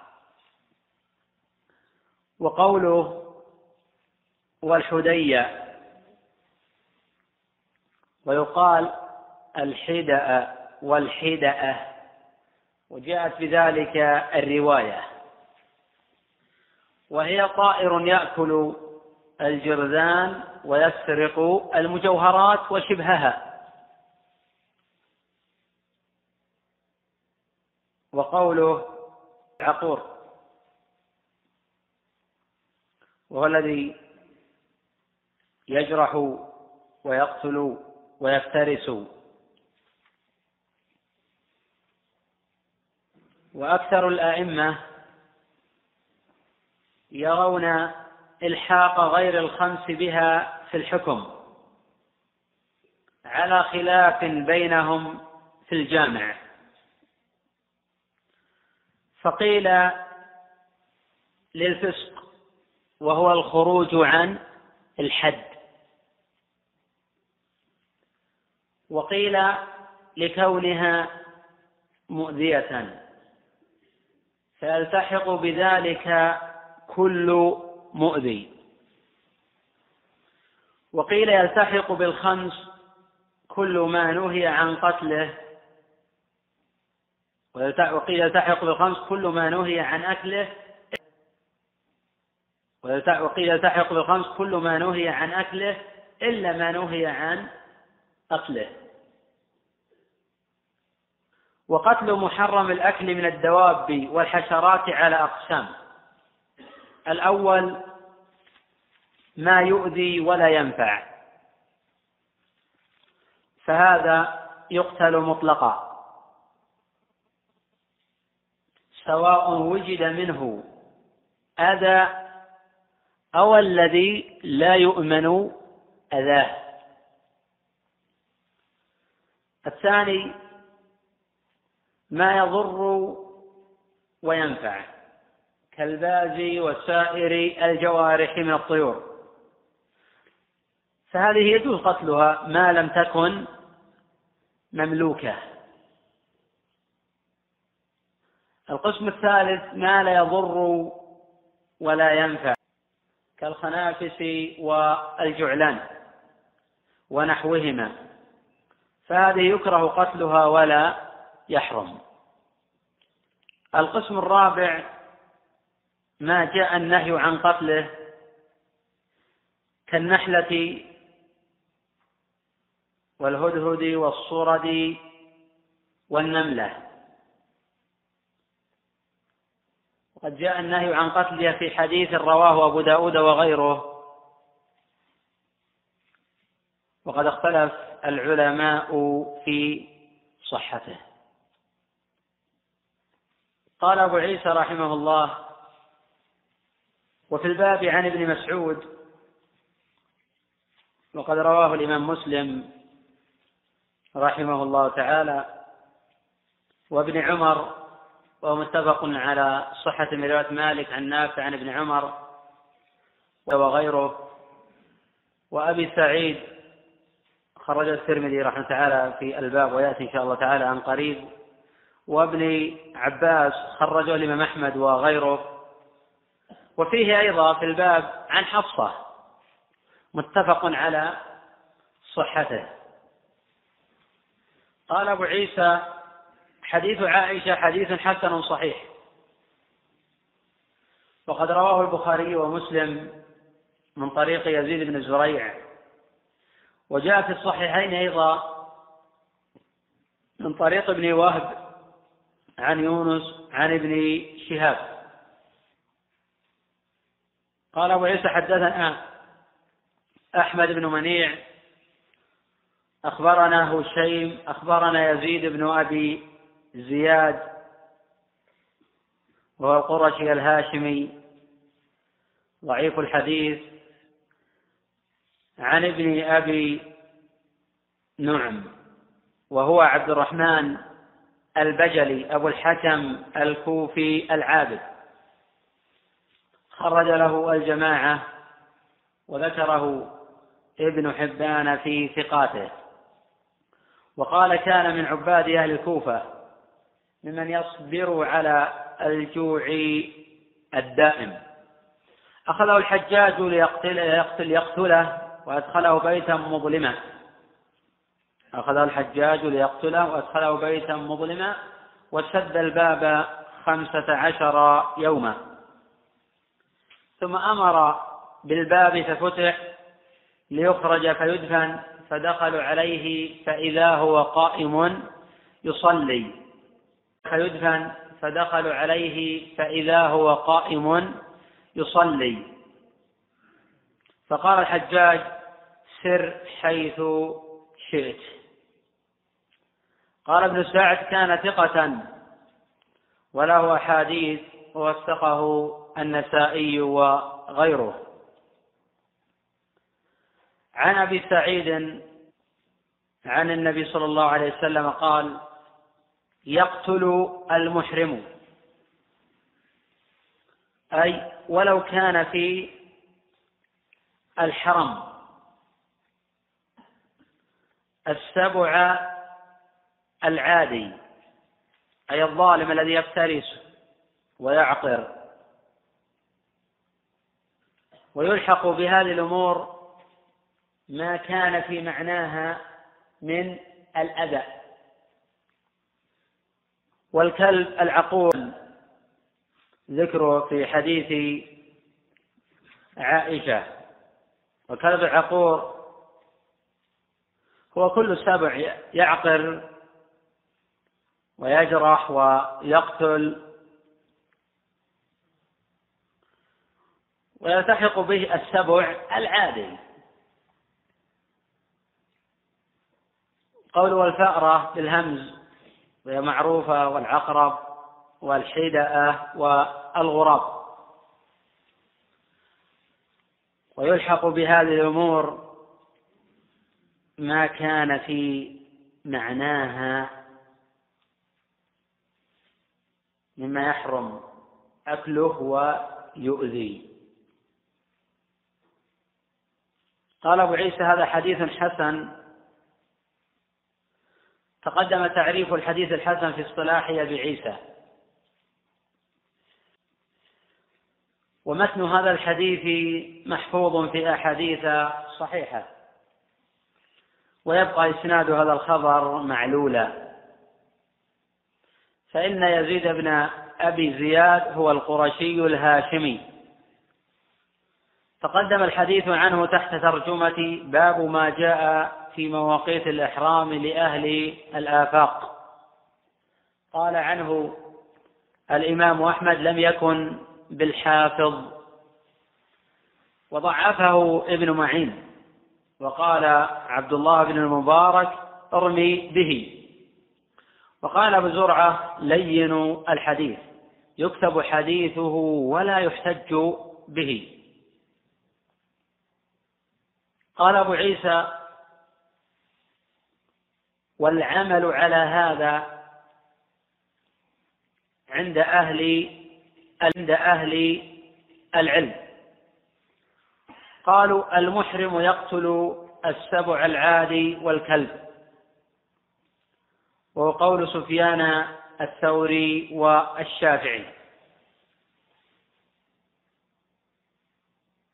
وقال الشافعي كل سبع عدا على الناس. أو على دوابهم فللمحرم قتله. وقال مالك رحمه الله تعالى في الموطأ في الكلب العقور الذي أمر بقتله المحرم إن كل ما عقر الناس وعدا عليهم وأخافهم مثل الأسد والنمر والفاد والذئب فهو الكلب العقور. وأما ما كان من السباع لا يعدو مثل الضبع والثعلب والهر وما أشبههن من السباع والقول بالفدية فيه نظر. فهي محرمة الأكل لا تسمى صيدا. في أصح قولي العلماء ما عدا الضبع. فقد جاء الخبر فيه عند الترمذي وغيره بأنه صيد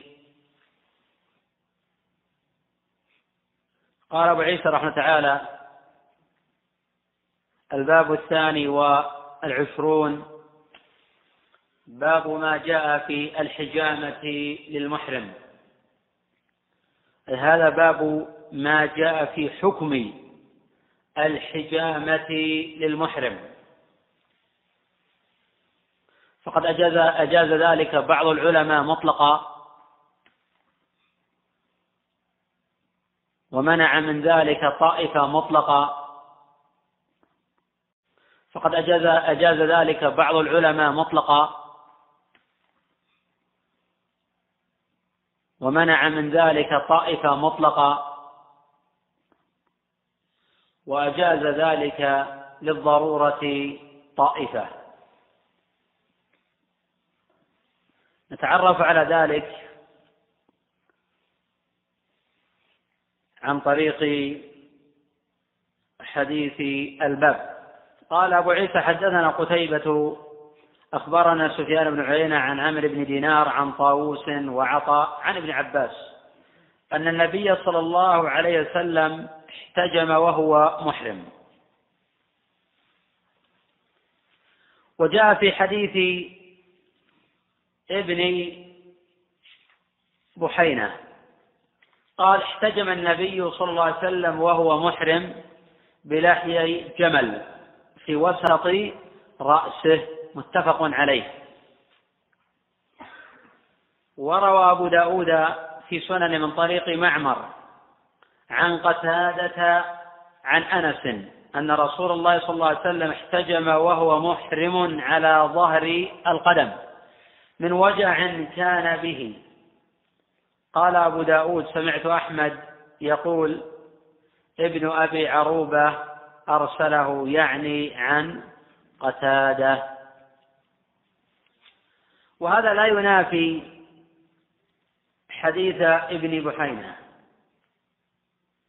فهو يحمل على تعدد الواقعة. ويستدل بحديث الباب على جواز الحجامة ألا تتضمن قطع شعر. فإن تضمنت قطع شعر ففيها خلاف. قيل بأنها جائزة. قيل بأنها جائزة. لأن النبي صلى الله عليه وسلم احتجم برأسه. وهذا يقتضي قطع شيء من شعر الرأس. لأن الحجامة في الرأس لا تتأتى إلا بشيء من ذلك. ولم يخبر النبي صلى الله عليه وسلم أن في ذلك فدية. وقيل تجب الفدية بقطع شيء من الشعر. فعند الحنابلة والشافعية أن من حلق شعرة واحدة فعليه طعام مسكين. وشعرتين وشعرتين طعام مسكينين. وثلاث شعرات تجب فدية الأذى من صيام أو صدقة أو نسك. الصواب من ذلك القول الأول. فمن احتاج للحجامة وتضمنت قطع شيء من شعر الرأس أو البدن. فلا بأس بذلك ولا فدية. قال أبو عيسى وفي الباب عن أنس رواه أبو داود وغيره تقدمت الإشارة إليه. وعبد الله بن بحينة تقدمت الإشارة إليه وهو متفق على صحته. وجابر يبحث عنه. قال أبو عيسى حديث ابن عباس حديث حسن صحيح. وهو في الصحيحين. من طريق سفيان عن عمرو بن دينار. قال أبو عيسى وقد رخص قوم من أهل العلم في الحجامة للمحرم. وهذا قول الجمهور. وقالوا لا يحلق شعرا. وقال مالك لا يحتجم المحرم إلا من ضرورة. وقد يستدل لذلك بحديث أنس وله علة. وجاء في سنن أبي داود من طريق هشام عن عكرمة عن ابن عباس أن رسول الله صلى الله عليه وسلم احتجم وهو محرم في رأسه من داء كان به. والوارد في الصحيحين الإطلاق دون تقييد ذلك بعلة. فيحتمل التعدد. ويحتمل حمل المطلق على المقيد. وذلك حين المصير إلى تصحيح الخبر. وسواء كان هذا أو ذاك فحديث ابن بحينة مطلق ولم يذكر حاجة للحجامة وعمومه صريح في جواز الحجامة ولو بدون علة. ورواية أبي داود في حديث ابن عباس تتحدث عن واقعة حل وتخبر عن كون الحجامة وقعت لداء كان فيه. وليس معنى هذا منع الحجامة ما لم يحصل مرض أو أذى. ومذهب مالك فيما تلزم به الفدية من الحلق هو حصول أحد أمرين. أن يحصل له بذلك ترفه. الأمر الثاني أن يزيل عنه الأذى. أما حلق القليل من الشعر مما لا يحصل به ترفه ولا إمارة أذى فيلزم التصدق بحفنة من الطعام. وعند أبي حنيفة حلق الربع من الرأس فيه فدية وإن كان لعذر وإن كان لغير عذر ففيه دم. وحلق أقل وحلق الأقل من الربع فيه الصدقة بنصف صاع. وتقدم مذهب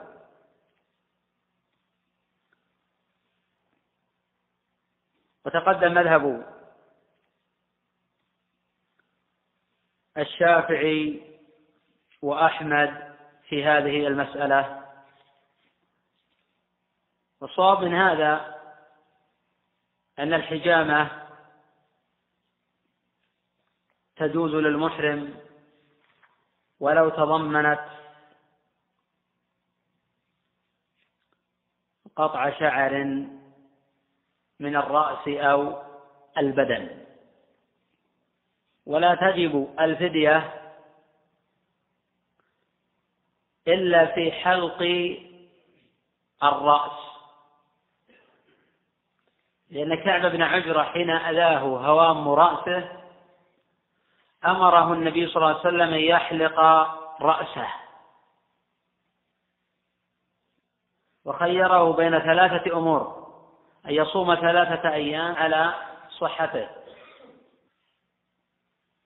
فإذا أخذ من شعره بعضة لحاجة أو لمسوغ شرعي فلا إثم ولا كفارة.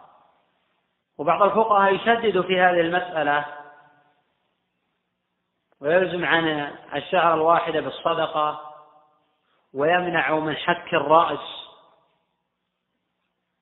ويحث على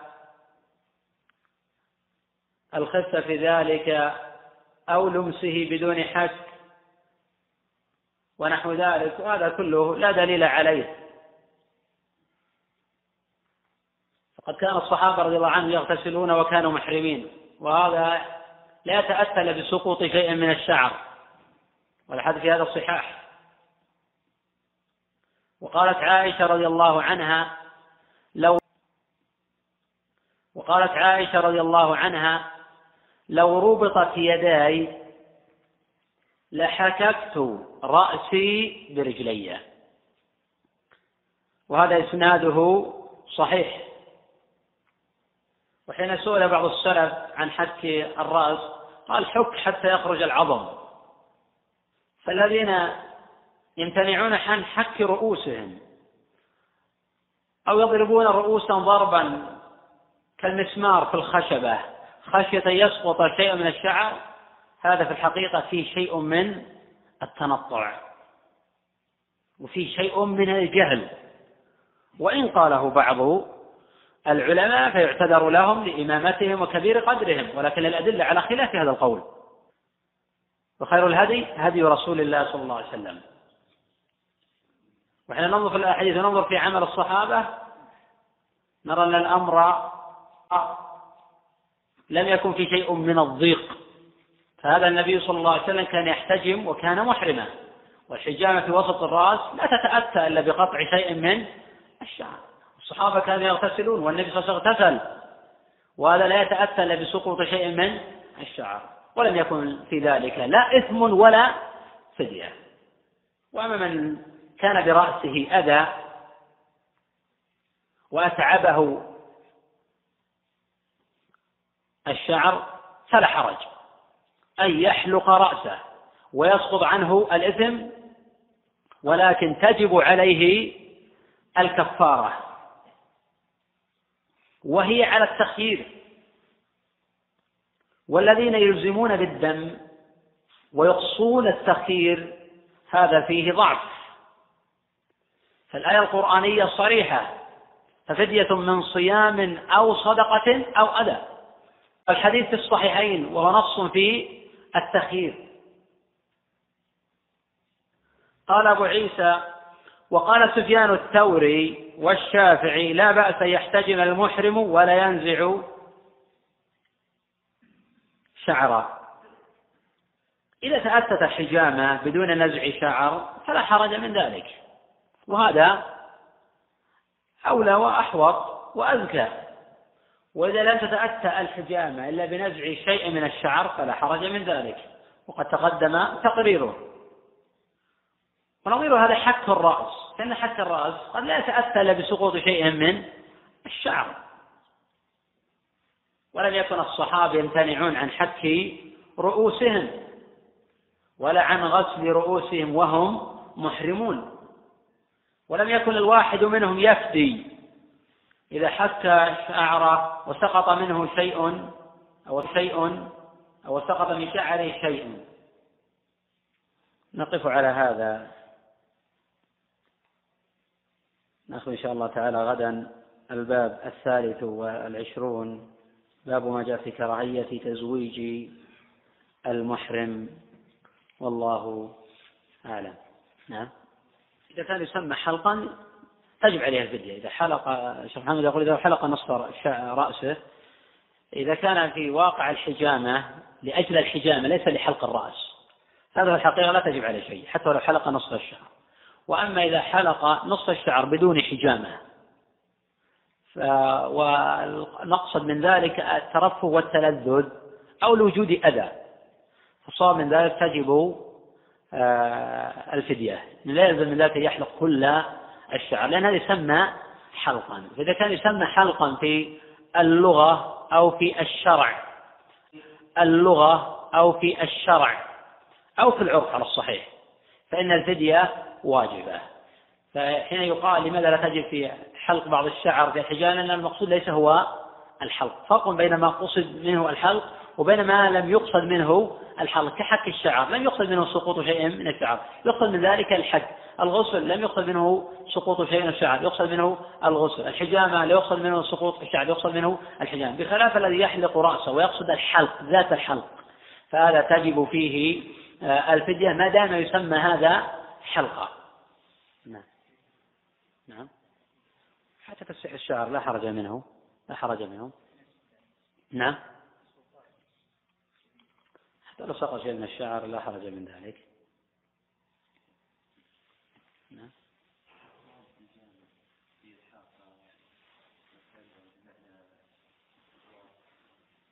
ماذا؟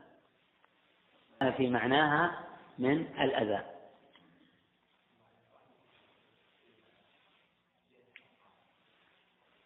جاءت من رواية سعيد بن المسيب. شعبة روى عن قتادة وقتادة عن سعيد وسعيد عن عائشة. ومن هذا الطريق لم يأتي ما هو أصح منه فهو ثقة عن ثقة. والذي يظهر لي والعلم عند الله أن من حيث الرواية قوية ولكن يحتمل عدة أمور. الأمر الأول يحتمل أن هذا ليس من باب حمل المطلق على المقيد. فيحتمل أن هذا من باب ذكر الخاص في حكم العام. وعامة الأصوليين يقولون بأن الخاص إذا ذكر بحكم العام لا يقيده. هذا الأمر الأول. الأمر الثاني أن أن ذكر الأبقى يحتمل لأنه هو الأكثر أداء ولا يعني هذا منع غيره ولا يعني هذا منع غيره. ولذلك قال ابن قدامة وغيره يلحق بالأبقع ما كان في معناه في تحريم الأكل وفي الأذية. وفي معرفة واقع الغراب لا يختلف الأبقى عن غيره. فهذا يؤكد أحد أمرين؟ أن المقصود أن هذا أشد أذى فنص عليه. ويحتمل أنه أن ذكر الخاص بحكم العام لا يقيده. أذى فنص عليه. ويحتمل أنه أن ذكر الخاص بحكم العام لا يقيده نعم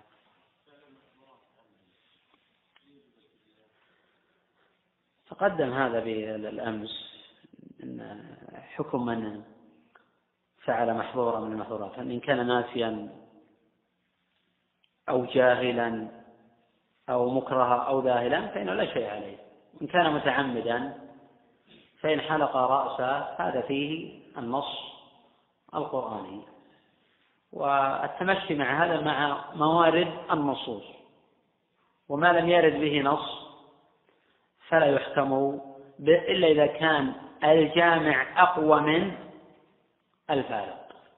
تقدم بالأمس حديث ابن عباس ومتفق على صحته أن النبي صلى الله عليه وسلم قال من لم يجد الإزار فدية ولم يرتب على ذلك إثما. وهذا فعل محظور جاء على وجه العمد. ولا يتأتى قياس هذا على حلق آه، الرأس. الأخ يقول سؤال بعض الإخوان يقول بعض الحجاج إذا أراد أن يحلق لا يعمم رأسه بل يأخذ من المقدمة شعرة أو شعرتين ومن الخلف والجوانب. هذا في الحقيقة مسألة خلافية وحكم هذه المسألة هي نفس حكم مسح الرأس في الوضوء. فالذين يقولون بجواز مسح بعض الرأس وهم الجمهور. يقولون بجواز أخذ بعض الشعر وهم الجمهور. والذين يقولون بوجوب تعميم الرأس بالمسح وهم الحنابلة وطائفة من العلماء يوجبون تعميم الرأس بالحلق أو التقصير. الأدلة قوية في وجوب تعميم الرأس بالمسح لأن الله جل وعلا قال وامسحوا برؤوسكم. والباء هنا للإلصاق. ويفسر هذا فعل النبي صلى الله عليه وسلم. في حديث عبد الله بن زايد وغيره بدأ بمقدم رأسه ثم ذهب بهما إلى قفاه. ثم رجع إلى المكان الذي بدأ منه وهذا الخبر متفق على صحته. الذي بدأ منه وهذا الخبر متفق على صحته. وهو يفيد وجوب تعميم الرأس بالمسح. والأدلة أيضا في حلق الرأس أدلة مطلقة. يترتب على ذلك حلق ما يسمى حلقة تقصير ما يسمى تقصيرا على واقع فعل النبي صلى الله عليه وسلم والصحابة. لم يكن أحد من الصحابة على حسب علمي يقصر من شعره شعرة أو شعرتين أو ثلاثا أو أربع أو يأخذ من الجوانب. بل الثابت عنهم. إما أن يحلقوا كل الشعر أو أن يقصروا كل الشعر. فنفهم النصوص التعميم. ومن أخذ بالقول الآخر أن يكتفى بالبعض فهذا لا تثريب عليه لأنه قال به أئمة لهم قدم صدق في العلم والورع كأبي حنيفة ومالك والشافعي وآخرين من أئمة الهدى ومصابيح الدجى الأخ يسأل عن حكم تغطية المحرم لرأسه عند نومه بغطاء من بطانية أو آه، شبهها. يقول عن المطر أو الشمس أو له عادة لا يستطيع أن ينام إلا مغطيا آه، رأسه. تقدم قوله صلى الله عليه وسلم ولا يلبس المحرم العمائم ولا البرانس وأن يؤخذ من ذلك تحريم تغطية الرأس بملاصق. أما غير ملاصق تقدم قوله صلى الله عليه وسلم ولا يلبس المحرم العمائم ولا البرانس وأن يؤخذ من ذلك تحريم تغطية الرأس بملاصق. أما غير ملاصق من خيمة وسقف سيارة أو سقف عمارة فلا حرج آه، منه. فإذا ستر رأسه بملاصق يقصد منه ذلك فهذا يمتنع عليه ولذلك قال صلى الله عليه وسلم ولا تخمروا رأسه. والخبر متفق على صحته وإذا احتاج إلى حمل متاع يقصد من ذلك حمل المتاع وكان منه ملاصقة فهذا لا حرج منه كما تقدم توضيحه وتقريره. فحينئذ هذا الأخ يمنع من تغطية رأسه عند النوم بطانية أو شبهها. ولكن إذا دعت الحاجة إذا دعت الحاجة لتغطية الرأس كي يكون في ذلك آه، شمس حارة أو مطر آه، لا يستطيع أن مطر آه، لا يستطيع أن يطيقه أو لا يقدر على الصبر عليه فإنه يرخص له في تغطية رأسه ولا شيء عليه باعتبار أن هذا للمصلحة والحاجة ولا فدية في هذا. أما قوله أو تكون له عادة حيث لا ينام إلا مغطيا رأسه يحاول على قدر الطاقة أنه ينام بدون تغطية الرأس ويحاول ويجتهد أن يغطي آه، ما أمكن تغطيته مما يساعد على النوم ولكن لا حرج من تغطية الوجه باستثناء الرأس. ولكن لو قدر أيضا أنه لم يطق النوم ولم يستطع النوم أصلا إلا بأن يغطي رأسه قد يرخص له يكون هذا من باب الحاج ولكن هو يجتهد ويبذل جهده ألا يغطي رأسه لأنه قد يكتفي بتغطية آه، الوجه ولأن الرواية الواردة ولا تخمروا آه، رأسه ووجهه لفظة الوجه شاذة ولذلك أعرض عنها الإمام البخاري رحمه الله تعالى. وكان المقصود منه هو التنظف فلا حرج من ذلك لأن الطيب لم يكن مقصودا لذاته. والقاعدة الأصولية تقول يدخل الشيء ضمنا وتبع ما لا يدخل استقلالا. فإذا غسل يديه بالشامبو أو بالصابون الذي فيه رائحة الطيب أو فيه شيء من المسك وكان القصد من هذا هو إزالة ما علق باليد من القذورات وشبهها فلا حرج في هذا. لأن المنهي عنه هو الطيب إذا كان مقصودا للتطيب. فينبغي أن نحتفظ بالقاعدة. يدخل الشيء ضمنا وتبع ما لا يدخل استقلالا. نظير هذا نظير هذا قراءة القرآن في المقبرة. الصواب من قول الفقهاء بأن ذلك بدعة. الصواب من قول الفقهاء بأن ذلك بدعة. فإذا وعظ في المقبرة بشروط الوعظ. ليس كل أحد يعظ في شروط الوعظ. وكان من الوعظ قراءة بعض الآيات القرآنية لا حرج منه لأن النبي صلى الله عليه وسلم حين وعظ في المقبرة قرأ بعض الآيات وهذا متفق عليه في حديث علي. من ذلك أكل الخبائث مستقلة. هذه محرمة باتفاق العلماء. فإذا وجد شيء من ذلك كالسرو السرو وشبهه في التمرة فلا حرج من ذلك. لأنه دخل ضمنا لأنه دخل ضمنا وتبع ولم يكن مقصودا لذلك. إذا قصد لذاته صار حراما. وإذا أكل تبعا لغيره صار حلالا. هذا معنى القاعدة. يدخل الشيء ضمنا وتبعا ما لا يدخل استقلالا. نعم.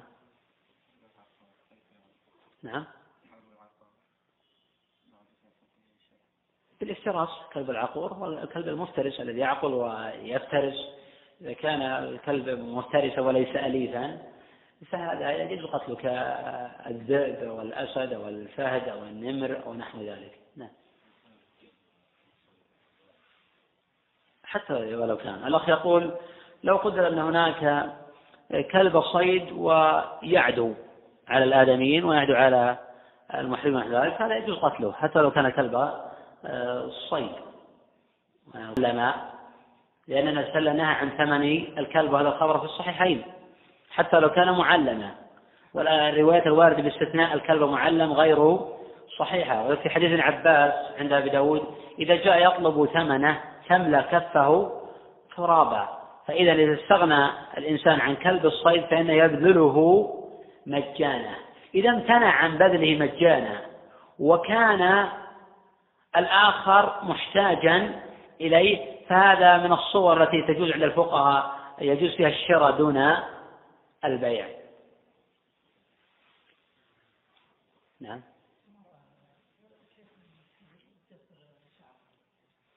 الأخ يقول عن المرأة كيف تقصر شعرها وإن شاء الله سوف يأتي لأن الحديث ليس هو عن تقصير الشعر لكن الحديث ليس هو عن تقصير الشعر لكن المرأة لا تحلق شعرها. وتقصر ما يسمى تقصيرا وتقصر ما يسمى فهي منهية عن حلق الشعر وعن التقصير الكل الذي يكون فيه شعر المرأة كشعر الرجل. إذا ما يسمى تقصيرا فتأخذه. بعض الفقهاء كالحنابلة وغيرهم يقولون تأخذ من كل ضفيرة قدر أنملة. وهذا مجرد اجتهاد لم يرد به نص. فلو أخذت أقل من ذلك فلا حرج منه. فلو أخذت أقل من هذا فلا حرج منه.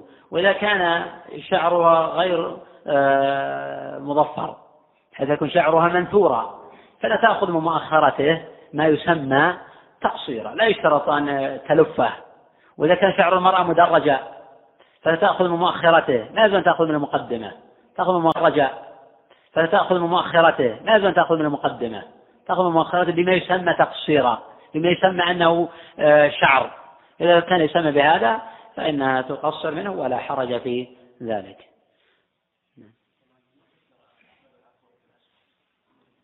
في نظر يعني لا يجوز تفسير الكلب العقور بمجرد الكلب الأسود. الكلب الأسود شيطان كما في جاء في صحيح الإمام آه، مسلم.